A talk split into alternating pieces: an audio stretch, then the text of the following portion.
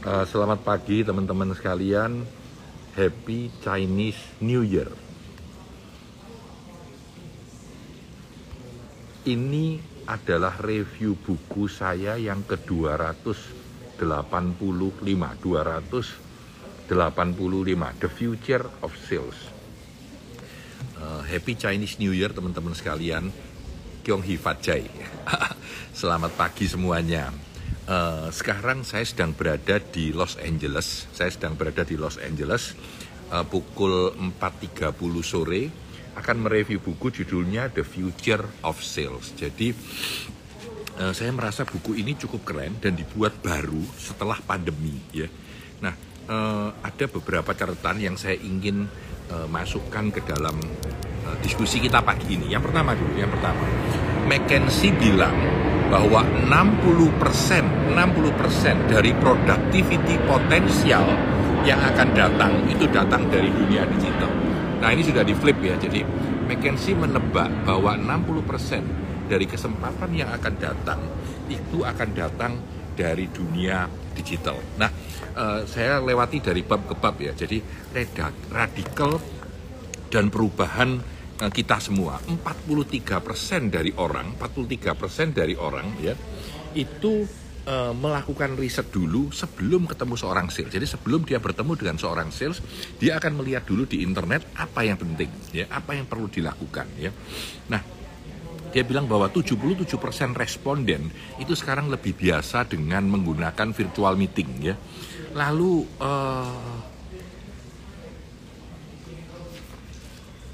ini menarik. Dia bilang bahwa pada tahun 2025 nanti pada B2B transaction uh, sales, B2B transaction sales, 80% akan terjadi secara digital ya.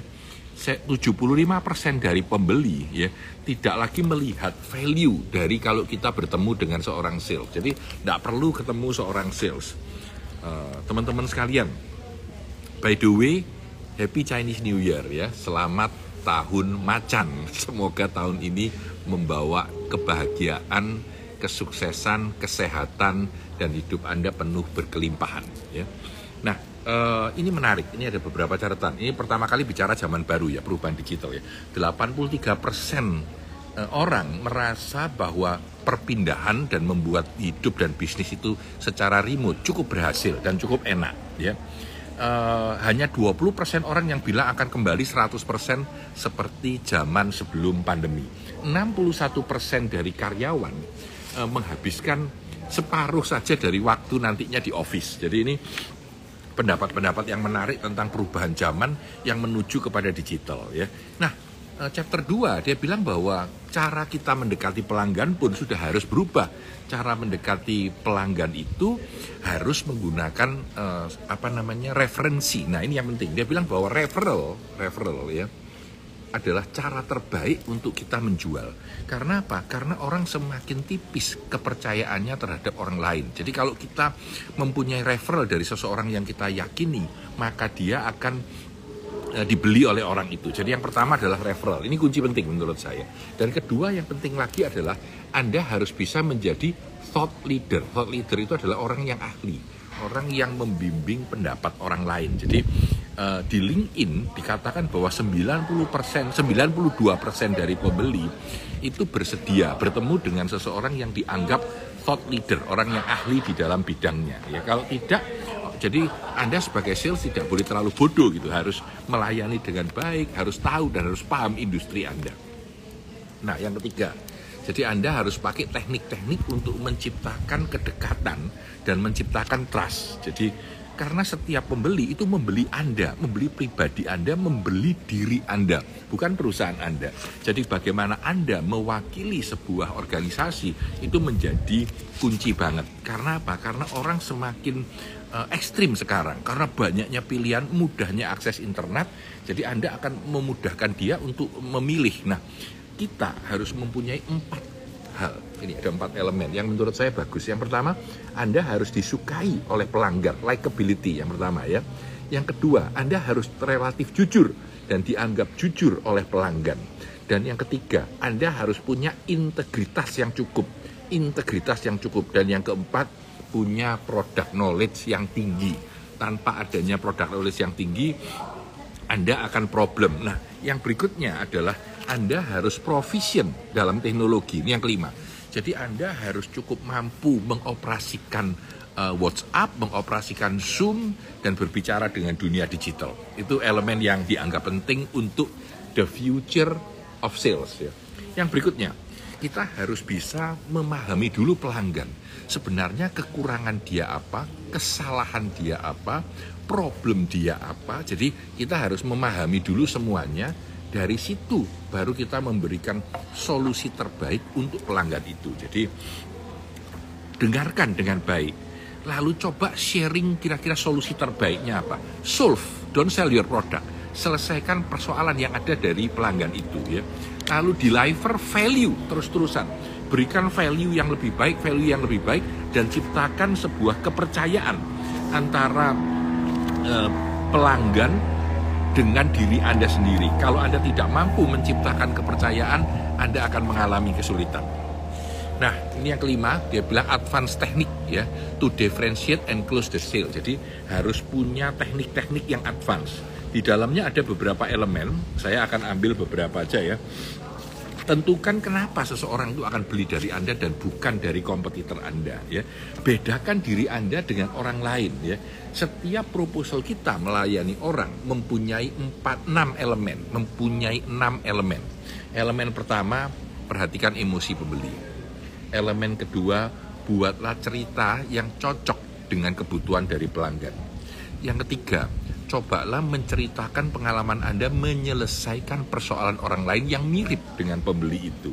Yang keempat, taruhlah detail-detail yang bakal dialami atau didapatkan oleh pelanggan itu. Yang kelima, berilah titik-titik kunci eh, bagaimana pelanggan itu diuntungkan secara finansial ataupun secara emosional kalau dia membeli produk Anda. Dan yang terakhir, akhiri proses penjualan itu dengan emosi positif yang tinggi dengan emosi positif yang tinggi. Menarik ya jadi uh, menurut saya cukup cukup cukup uh, keren ya.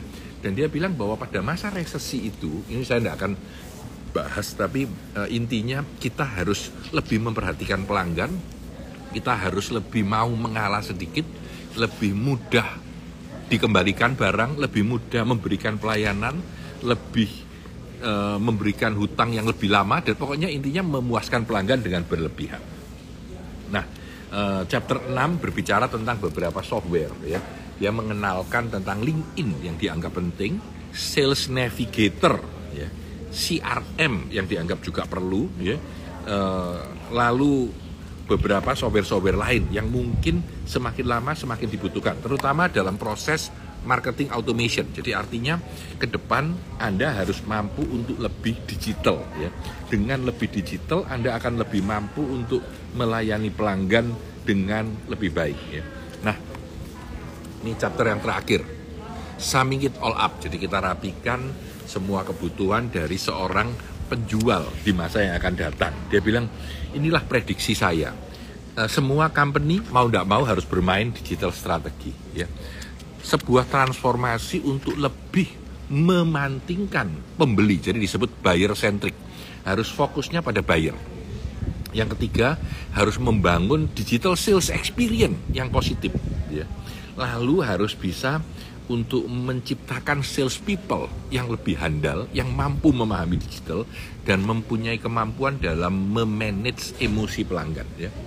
Jadi hal-hal yang tinggi, yang mahal, produk yang perlu konsultasi itu mungkin masih sangat dibutuhkan seorang sales yang mumpuni untuk menjual produk itu. Ya, dia bilang bahwa hati hati-hati bahwa produk knowledge Anda, cara Anda menangani pelanggan, emosi yang Anda ciptakan haruslah mampu untuk menciptakan uh, pelanggan uh, punya value yang lebih bagus. Jadi artinya pelanggan itu merasa puas ketika bersama dengan Anda saya sebut ekstrim humanism. Jadi ke depan ini manusia itu akan terbagi yang memang butuh dilayani dengan baik dan yang tidak butuh dilayani. Kalau tidak butuh dilayani, dia akan lebih fokus pada digital, ya bermain digital.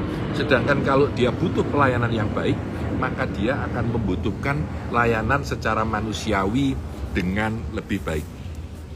Ini adalah 1 Februari 2022 di Surabaya di Amerika masih tanggal 31 Januari ya.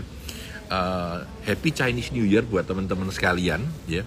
Semoga tahun macan ini membawa kebahagiaan dan sukses dan uh, kehidupan yang berkelimpahan untuk teman-teman sekalian. Nah ini saya sedang berada di garden sebenarnya. Jadi ini adalah garden taman di depannya kamar di hotel ya di hotel di dekat Irvin. Jadi ini di taman di dekat hotel, ya. Jadi review buku uh, di taman gitu ya. Jadi seperti ini. Jadi cukup menarik tempatnya, ya cukup menarik tempatnya. Jadi uh, sore jam 4.37 saya Tanah di Santoso sukses selalu untuk Anda. Happy Chinese New Year.